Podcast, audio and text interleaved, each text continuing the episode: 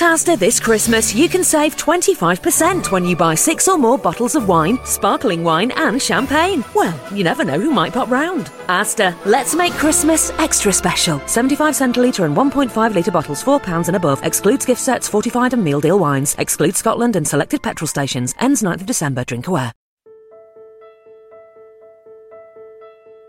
Arkadaşlarımıza soruyoruz.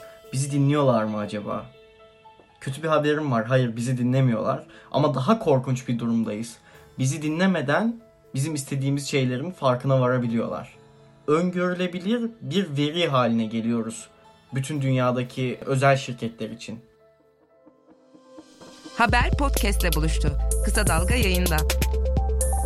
Bizi Kısa Dalga Net ve podcast platformlarından dinleyebilirsiniz. Geçenlerde kendime bir ayakkabı almak istedim. Gittim bir bot aldım. Sonrasında Instagram'a girdiğimde karşıma bot reklamları çıktığını gördüm. Birkaç hafta sonra kendime yeni bir gözlük aldım. Sonra tekrar Instagram'ı açtığımda bu sefer de karşıma gözlük reklamları çıkmaya başladı. Eminim hepinizin başına geliyordur. Hatta günlük hayatımızın bir parçası oldu bu klişe.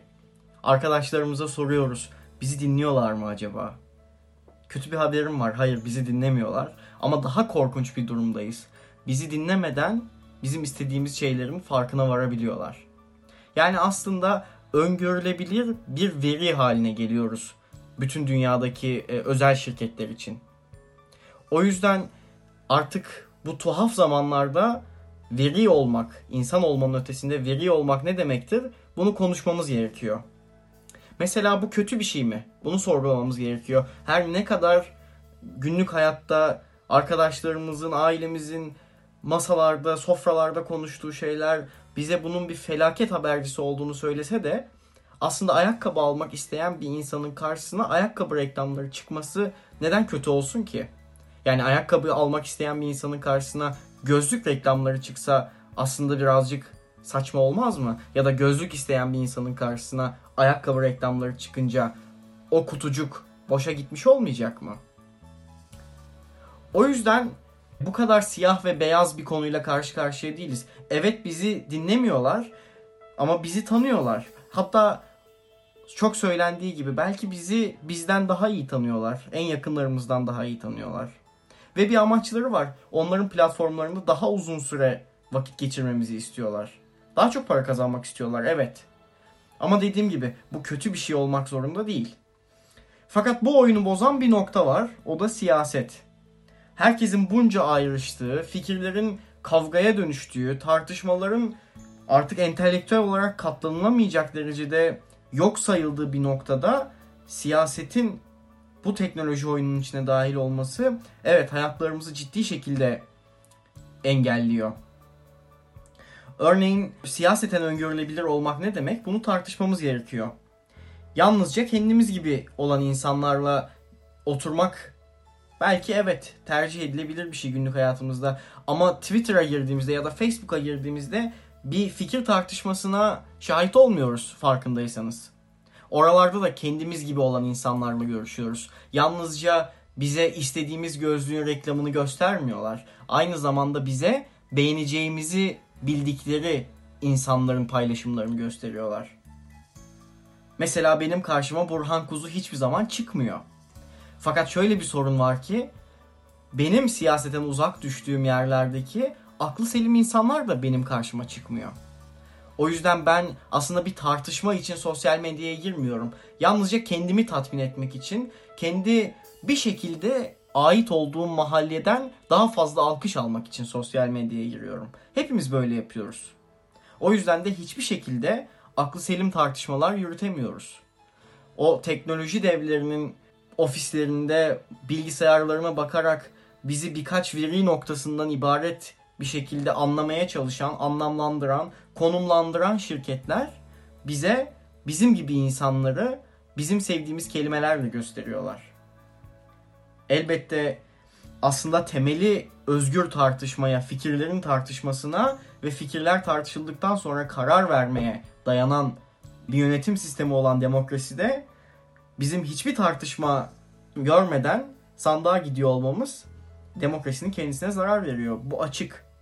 Fakat şunu da tartışmak lazım. Siyasiler bu teknolojiyle ne yapıyorlar? Geçenlerde The Great Hack belgeseli Netflix'te yayına girdiğinde bir olağanüstü kabus anlatısıyla karşı karşıya kalmıştık hatırlarsanız. Sayılar Matrix filminden çıkmış gibi belli kodlar, o kodların içinde var olan insan olduğu, insanın kişiliğinin yavaş yavaş yok olması ve sadece veri noktalarına dönüşmemiz gibi çok da aslında gerçek olmayan, çok da gerçekçi olmayan ve insanın insanlığını da küçümseyen bir anlatıyla karşı karşıya kalmıştık.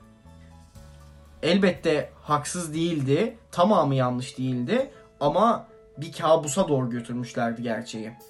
Hatırlarsanız orada Cambridge Analytica skandalını ortaya çıkartan Guardian gazetesinin muhabiri Carol Callett-Walter, Cambridge Analytica'nın üst düzey çalışanı Brittany Kaiser ve The New School öğretim üyesi David Carroll'ın anlatımı üstlendiği bir hikayeyle karşı karşıyaydık.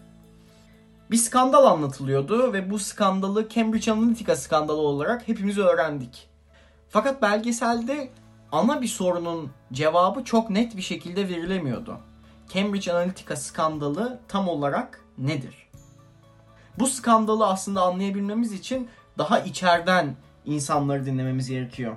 Örneğin Guardian bu skandalı ilk defa haberleştirdiğinde Carol Callett-Walter aslında bu skandalı haberleştirdiğinde bütün dünyanın tanıdığı pembe saçlı ikonik bir karakter vardı. Christopher Wiley. Bir whistleblower olarak yani şirketi tırnak içinde ispikleyen kişi olarak ortaya çıkmıştı Christopher Wiley.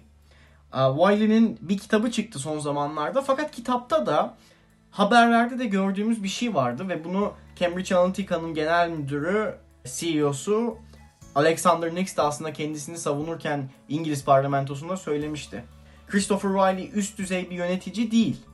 O yüzden de konulara tamamıyla vakıf değil. Kitabında da e, bu sorunu sürekli olarak görebiliyoruz. Kısa süre çalışmış ve hayati önemdeki işlere dokunmamış bir e, Cambridge Analytica çalışanı Wiley.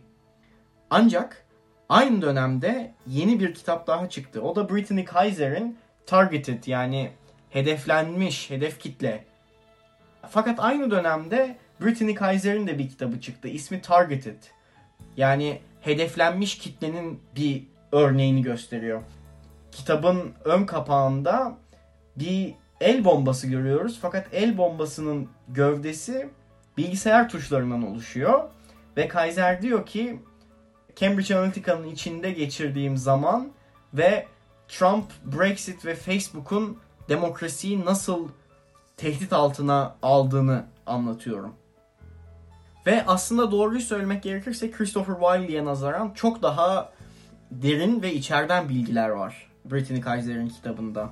Çünkü Brittany Kaiser Cambridge Analytica kurulduktan sonra hızlı bir şekilde şirketin içinde yükselmiş. Aslında şirketin İngiltere ayağı olan SCL Group'ta çalışmaya başlamış ve SCL Group'ta başarılı olduktan sonra da Cambridge Analytica'ya üst düzey bir yönetici olarak transfer olmuş bir insandan bahsediyoruz.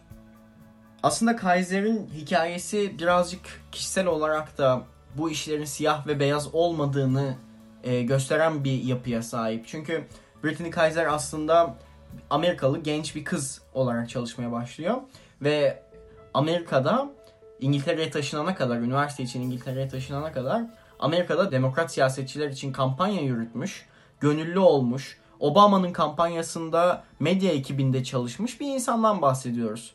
Yani baktığımız zaman Donald Trump'ın dünyasına ve siyasi saçmalıklarına çok yakın bir insan değil Brittany Kaiser. Hatta tam tersine normal hayatı devam ediyor olsaydı Trump'a karşı Hillary Clinton'ın yanında kampanya bile yapabilecek bir yapıya sahip. Fakat varlıklı bir aileden geliyor. Ancak kendisi İngiltere'de doktorasını yaparken ailesi iflas ediyor ve kendisi de İngiltere'de zor koşullarda yaşamaya başlıyor. Kimi sivil toplum örgütlerinde kampanyacı olarak çalışıyor ama doğru düzgün para kazanamıyor. Bu yüzden de epey çaresiz bir durumdayken bir arkadaşı sayesinde Cambridge Analytica ile ve Cambridge Analytica'nın kurucusu SCL grubun da başkanı Alexander Nix ile tanışıyor. Ve Alexander Nix de güçlü bir erkek figürü. Babasının iflas etmeden önceki halini ona hatırlatan bir baba figürünü görüyor ve o baba figürüne tutuluyor ve peşinden gitmeye başlıyor.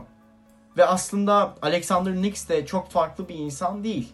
Çok iyi okullarda eğitim almış, epey varlıklı bir aileden gelen, evinin duvarları bir sanat galerisi gibi süslenmiş, ince zevkleri olan, yaratıcı, çok zeki bir adamdan bahsediyor Brittany Kaiser. Etkilenmemesi zor bir adamdan bahsediyor aslında. Ve onun peşinden gitmeye başlıyor. Her ne kadar siyaseten uyuşmasa da Cumhuriyetçiler için çalışmaya başlıyor. Hatta İngiltere'de Brexit kampanyasında aktif olarak çalışmak isteseler bile o işler tam istedikleri gibi yürümüyor. Bütün bunları da anlatıyor. Bizi Kısa Dalga Net ve podcast platformlarından dinleyebilirsiniz.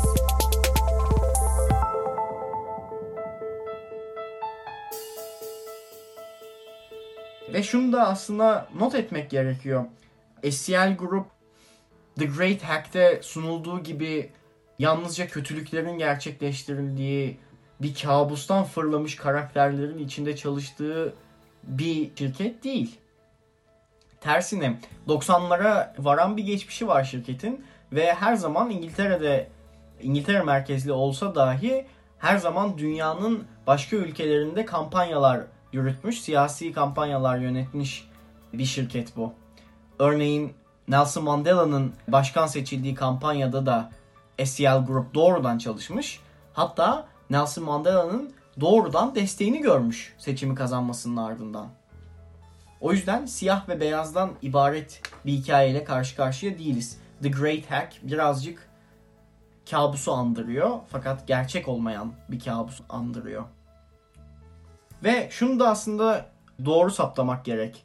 Cambridge Analytica'nın kullandığı yöntemler yani insanların zayıf noktalarının tespit edilmesi, insanların internete bıraktıkları veriler üzerinden duygusal varlıkların analiz edilmesi ve bu analiz edilen varlıklara göre siyasal iletişim yapılması ilk defa Trump kampanyasında görülmedi.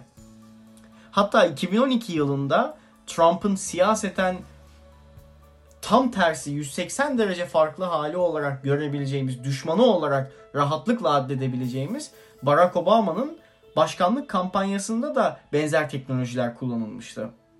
Hatta Obama'nın o kampanyasının dijital ayağını yürüten Teddy Goff, hedef kitleye göre iletişim kullandıklarını, yani Brittany Kaiser'in deyimiyle targeted iletişim yaptıklarını kendisi de söylemişti. Aslında yaptıkları şey basitti.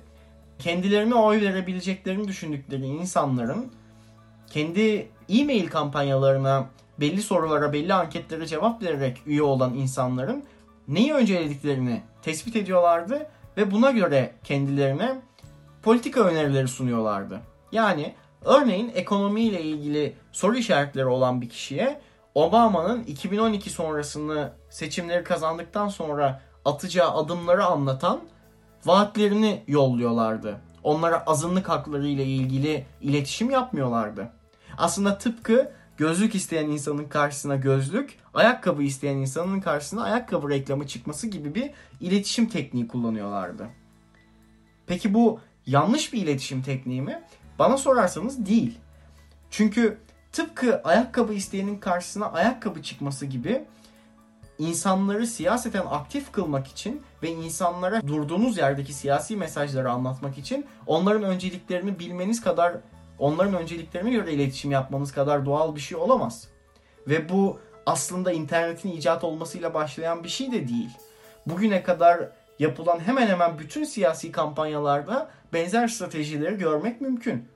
Örneğin Bursa'ya kampanya yapmaya giden bir cumhurbaşkanı adayı Bursa'da Tokat'ın sorunları üzerine bir konuşma yapmaz. Ya da İstanbul'daki mahallelerde bile hangi mahalleye gittiğine göre farklı siyasi kampanyalar yapar. Örneğin mültecilerin yoğunluklu olduğu bir bölgede insanlara demokrasiden bahsetmek yerine mülteci sorununu nasıl çözeceklerinden bahsetmek daha mantıklıdır. Çünkü hem insanlar yalan söylemek değildir bu. Hem insanlara kendi dertlerini anladıklarını gösterir.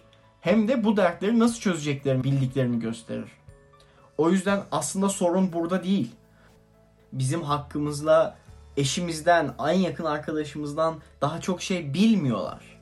Mesele bu da değil. Daha doğrusu Cambridge Analytica'ya kadar, Trump'ın seçimine kadar bilmiyorlardı. O yüzden de bu mesele bugünkü kadar gündem oluşturmamıştı. Fakat Cambridge Analytica'nın insanların duygusal yapılarını nasıl ortaya çıkarttıklarına baktığımızda aslında sorunun nereden kaynaklandığını da görebiliyoruz. Yani Cambridge Analytica evet belki de bizi eşimizden, arkadaşlarımızdan, çocuklarımızdan hatta kendimizden daha iyi biliyor. Çünkü Cambridge Analytica hemen hemen bütün ABD'li ve Facebook kullanıcısı olan seçmenlerin duygusal anatomilerini çıkartabildiği bir sistem kurmuştu seçim öncesinde. Bu sistem Facebook'ta kimi hesapların başlattığı anketlere kişilerin katılmasıyla ve katılırken kimsenin okumadığı o Terms and Conditions sözleşmesini işaretleyip geçtikleri için o anketlerden yola çıkarak hem anketi uygu, anketi yapan kişinin kendisinin bütün verilerine hem de bütün arkadaşlarının verilerine Cambridge Analytica vakıf olmuştu. Yani big data, büyük data dediğimiz şeyi artık ucu bucağı görülemeyecek derecede büyütmüş ve üstelik elde ettikleri bu çoğunluğu aslında gereksiz olarak yaftalanabilecek verileri gayet mantıklı bir şekilde bir araya getirmiş ve kişisel bazda insanları fişlemişti. Önceliklerinin ne olduğunu, yumuşak noktalarının ne olduğunu, duygusal olarak onları nasıl harekete geçirebileceklerini bulmuşlardı ve bunu insanların izni olmadan, haberi dahi olmadan yapmışlardı ve Facebook'un üstelik Facebook'un veri hakları politikasında ihlal ederek yapmışlardı. Aslında sorun bu dataların, bu verilerin ele geçirilmesinin nasıl gerçekleştirildiğiydi. Ve tabii ki burada da bitmiyordu. Sonrasında Obama'nın yaptığı gibi bir politika iletişimi yapmadılar. Çoğunlukla bir korku iletişimi yaptılar.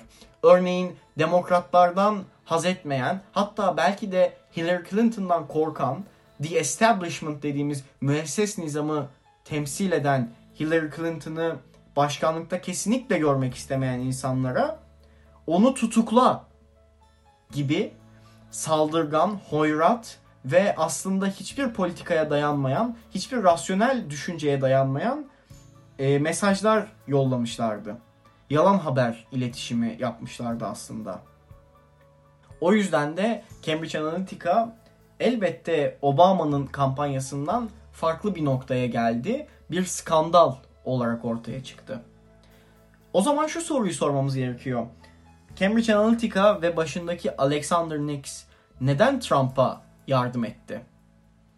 Çünkü Kaiser'in kitabında anlattığı gibi Alexander Nix aslında Trump ile aynı masaya oturmaktan keyif alabilecek bir insan değil. Hatta Trump'ın öncesinde yardım ettikleri e, Cumhuriyetçi Senatör Ted Cruz'un da masasından oturmaktan pek heyecan duyan bir insandan bahsetmiyoruz. Evet, e, belki ekonomik olarak muhafazakar cumhuriyetçilere yakın bir çizgide gidiyor. Devletin küçülmesini istiyor. Özel sektörün büyümesini istiyor. E, bu yönden belki ortak bir nokta tespit edilebilir. Fakat gay evliliklerine karşı çıkan bir insandan bahsetmiyoruz. Özgür düşünceyi savunan, özgürlükleri savunan, liberal düşünceye yakın bir kişiden bahsediyoruz. O yüzden Trump'la beraber olmalarını siyasi bir pozisyonla açıklamak pek mümkün değil.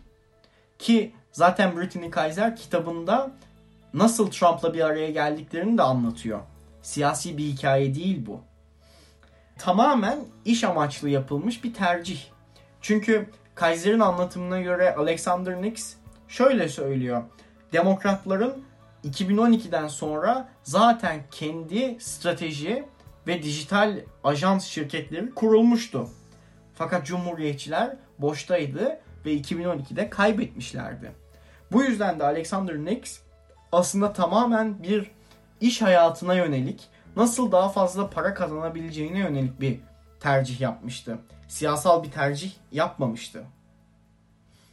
Ve elbette bugün The Great Hack gibi belgesellerden Brittany Kaiser, Christopher Wiley gibi insanların bu kitapları yazmalarından sonra Batı'da yüksek dozda bir tartışma başladı. Veri hakları insan hakları mıdır tartışması. Veri hakları nasıl korunmalıdır tartışması. Ve bu tartışmanın göbeğinde oturan insanlardan bir tanesi de Brittany Kaiser.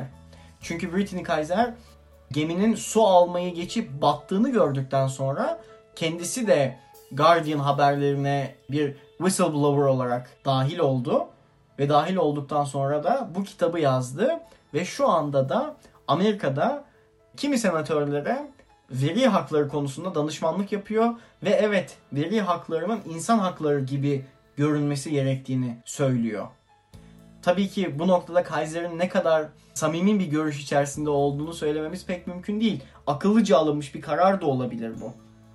Ve doğru söylemek gerekirse evet bu büyük veri ve hatta belki de derinlikli veri yani insanların duygusal yapılarının ortaya çıkmasını sağlayabilecek dataların oluşması siyasi sahneyi kökünden etkilemesi gereken ve siyasetçilerin de buna dair politikalar üretmesi gereken bir mesele. Bunu kesinlikle yok sayamayız. Çünkü demokrasiye zarar verdiği çok açık. İnsanları insanlıklarının ötesinde entelektüel tartışmanın dışında bırakarak tamamen kendi korkuları, tamamen kendi duygu dünyalarındaki aslında akılla açıklayamadıkları ezberleriyle yönlendirmeye çalışan ve tartışmanın duvarlarını imkansız noktalara kadar genişleten, büyüten, yükselten bir meseleden bahsediyoruz. Fakat dikkat etmek lazım. Burada yalnızca siyasi kampanyacılıktan bahsetmiyoruz aslında. Twitter'da kimlerle karşılaştığımızdan da bahsediyoruz. Facebook'ta arkadaş olarak eklememizi önerdiği Facebook'un kişilerin kimler olduğundan da bahsediyoruz. Çünkü aslında bizi belli mahallelere hapseden, o mahallelerden çıkmamızı neredeyse imkansızlaştıran yapılar Cambridge Analytica gibi yapılar değil. Facebook gibi, Twitter gibi, Instagram gibi yapılar. Ve aslında onların kendilerine çeki düzen vermeleri gerekiyor. Onların Cambridge Analytica gibi şirketlerin alanlarını kısıtlamaları gerekiyor. Bakın dikkat edin alanlarını yok etmeleri gerekiyor demiyorum. Çünkü bu dediğim gibi ve tekrarlamak istediğim gibi siyah ve beyaz arasındaki bir tartışma değil. Carol Calletwather yani e, Cambridge Analytica skandalını ortaya çıkartan gazetecinin e, bir TEDx konuşması var. Teknoloji devlerinin gözlerinin içine bakarak yapıyor bu konuşmayı ve şöyle diyor.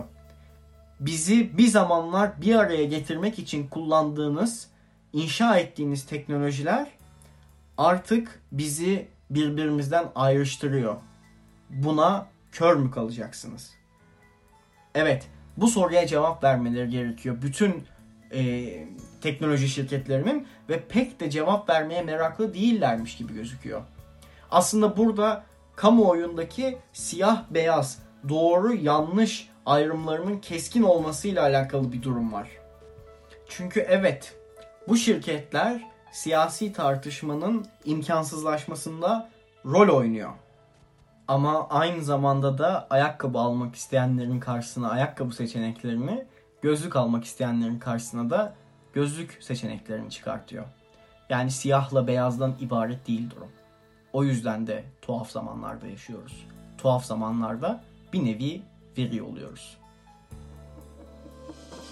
Haber podcastle buluştu. Kısa Dalga Podcast. Twitter adresimiz @kısadalgamedya.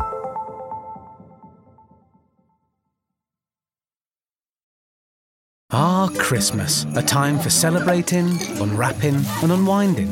Capture every moment with an epic iPhone 6s with a 12 megapixel camera, now only $12.99 a month from Tesco Mobile, saving you £72. It's just one of the ways we're celebrating 100 years of great value. Go in store or search Tesco Mobile. Tesco Mobile. Every little helps. Saving £2 per month over 36 months was £14.99. 36 month credit and rolling monthly usage agreements required. Subject to status. Terms apply. See tescomobile.com slash terms. At Lidl, we're big on the sweetest Christmas and those happily ever afters. Like our winter warmer deluxe mince pie strudel at just $2.99 and our deluxe espresso martini roulade for only $4.99. Big on a Christmas you can believe in. Now that's big on quality and always Lidl on price. Subject to availability, selected stores excludes an.